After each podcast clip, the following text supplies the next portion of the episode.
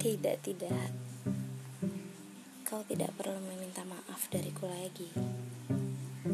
Semuanya sudah baik-baik saja saat ini.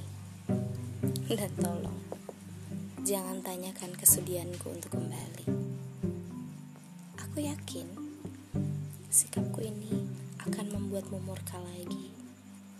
Dan kata-kata tajam dari mulutmu itu siap menghujam hatiku lagi. Tidak apa, silakan saja. Keluarkan api-api amarahmu itu.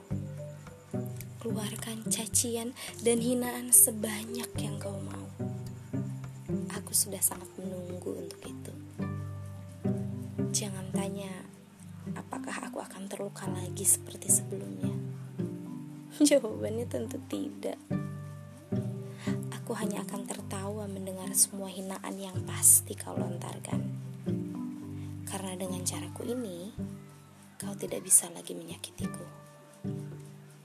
Tanpa sadar, justru kamu yang akan semakin terluka karena ketidakberhasilanmu.